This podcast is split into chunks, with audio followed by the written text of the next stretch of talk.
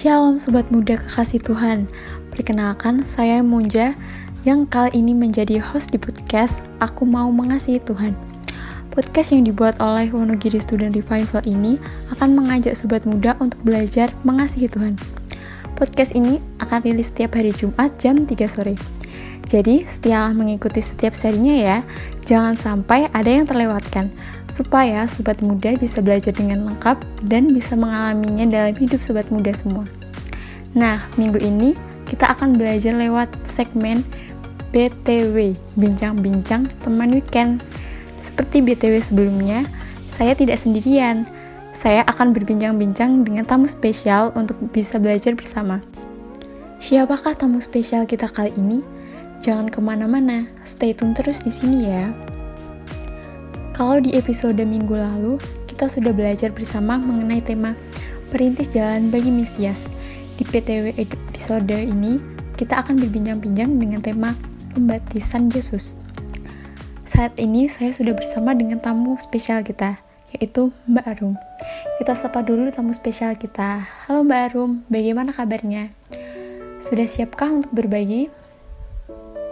Halo Mbak Monja, bersyukur kabarnya baik dan saat ini sudah siap untuk berbagi. Puji Tuhan. Oke, aku mau tanya nih Mbak.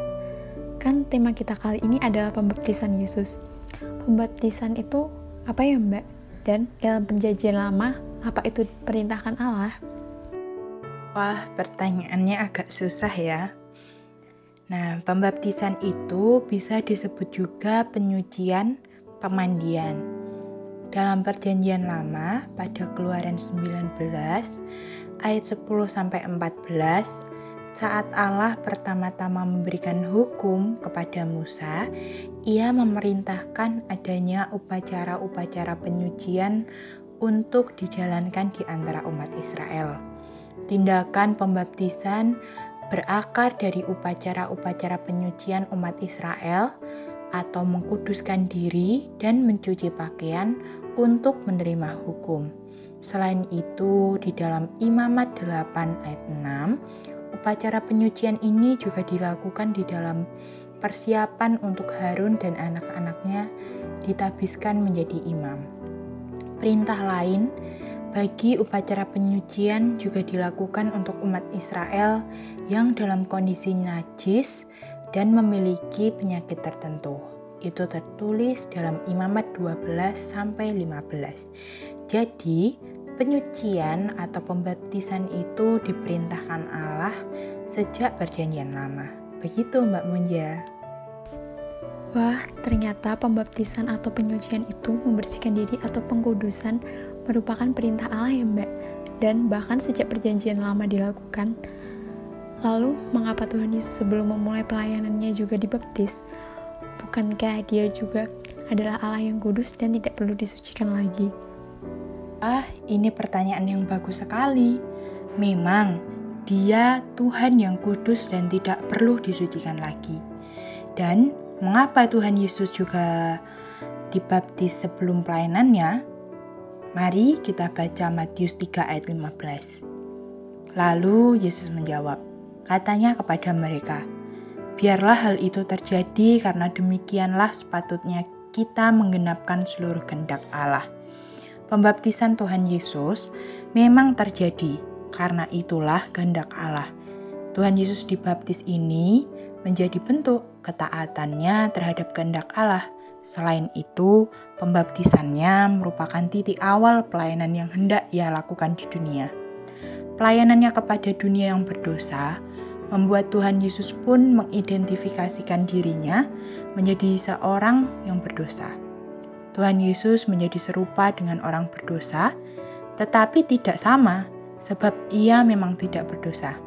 Inilah pelayanannya yang inkarnatif. Dia adalah Allah sejati yang juga mengidentifikasikan dirinya menjadi manusia sejati. Begitu, Mbak Monjia. Wah, menarik sekali ya sobat muda. Lalu, apa yang terjadi jika Tuhan Yesus dibaptis, Mbak Arum? Gini, Mbak Monja, di dalam pembaptisan Tuhan Yesus ini, Bapa menyatakan perkenanan atau penerimaannya atas Tuhan Yesus. Sesudah pembaptisannya, langit itu terbuka dan tampaklah roh Allah seperti burung merpati turun ke atasnya. Lalu terdengarlah suara dari surga menyatakan bahwa Bapa berkenan atas Tuhan Yesus dan dialah anak yang Bapa kasihi. Hal ini tentunya sangat menarik dong, Selain kejadian yang spektakuler, pernyataan perkenanan atau penerimaan ini diberikan Bapa sebelum Tuhan Yesus melakukan pelayanan apa pun. Hal ini menunjukkan bahwa identitas Tuhan Yesus itu amatlah jelas. Sangat jelas jiwanya merdeka, tidak dipengaruhi oleh apa pun, sebab Bapa berkenan kepadanya. Perkenanan ini tidak diakhir setelah ia menyelesaikan pelayanannya karena Bapa memiliki kepuasan terhadap pribadi Tuhan Yesus itu sejak semula, bahkan termasuk sebelum ia melakukan apa pun. Wah, ternyata Bapak itu berkenan atas Tuhan Yesus melalui pembaptisannya. Jadi, apa makna pembaptisan Tuhan Yesus itu setelah Bapak itu berkenan atas Tuhan Yesus? Pernyataan Bapa setelah pembaptisan Tuhan Yesus ini juga bermakna sebagai sebuah peneguhan bahwa dialah pribadi yang sungguh-sungguh dijanjikan. Nah, peneguhan ini sekaligus juga menjadi pengesahan untuk Tuhan Yesus memulai tugas-tugasnya di dunia. Peneguhan atau penugasan merupakan sebuah bentuk perangkapan Allah yang penting untuk melakukan tugas tertentu. Wah, ternyata Tuhan Yesus ini pribadi yang dijanjikan Allah ya. Dan setelah kita belajar tentang pembaptisan Tuhan Yesus dan maknanya, lalu apa arti pembaptisan Tuhan Yesus bagi kehidupan kita ya Mbak? Wah, benar sekali Mbak Munja.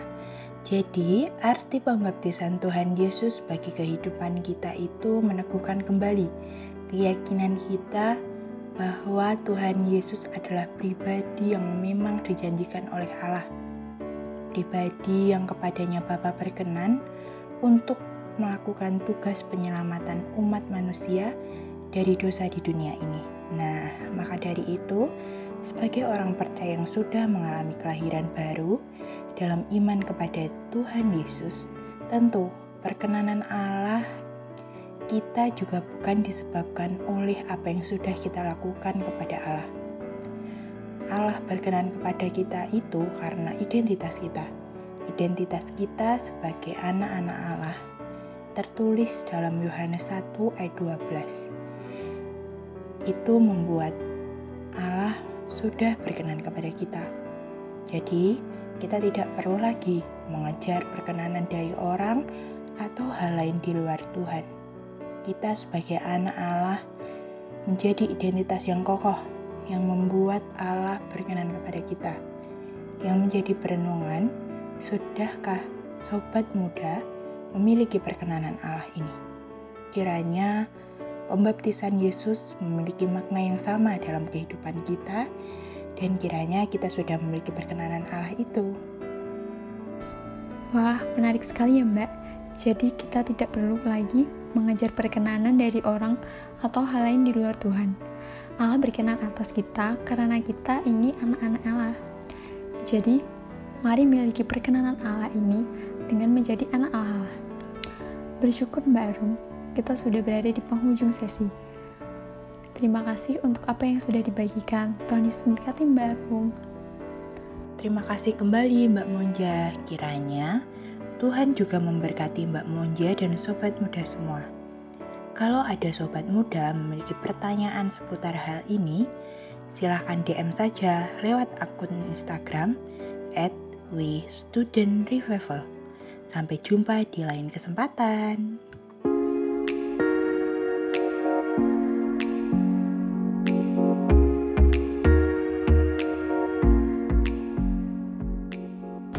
Sobat muda kekasih Tuhan, senang sekali ya hari ini kita bisa belajar bersama lewat bincang-bincang teman weekend.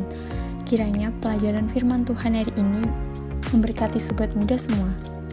Sobat muda, jangan sampai terlewatkan untuk mendengarkan bincang-bincang teman weekend minggu depan ya. Tentunya bincang-bincang minggu depan tidak kalah seru untuk kita pelajari dan kita alami bersama.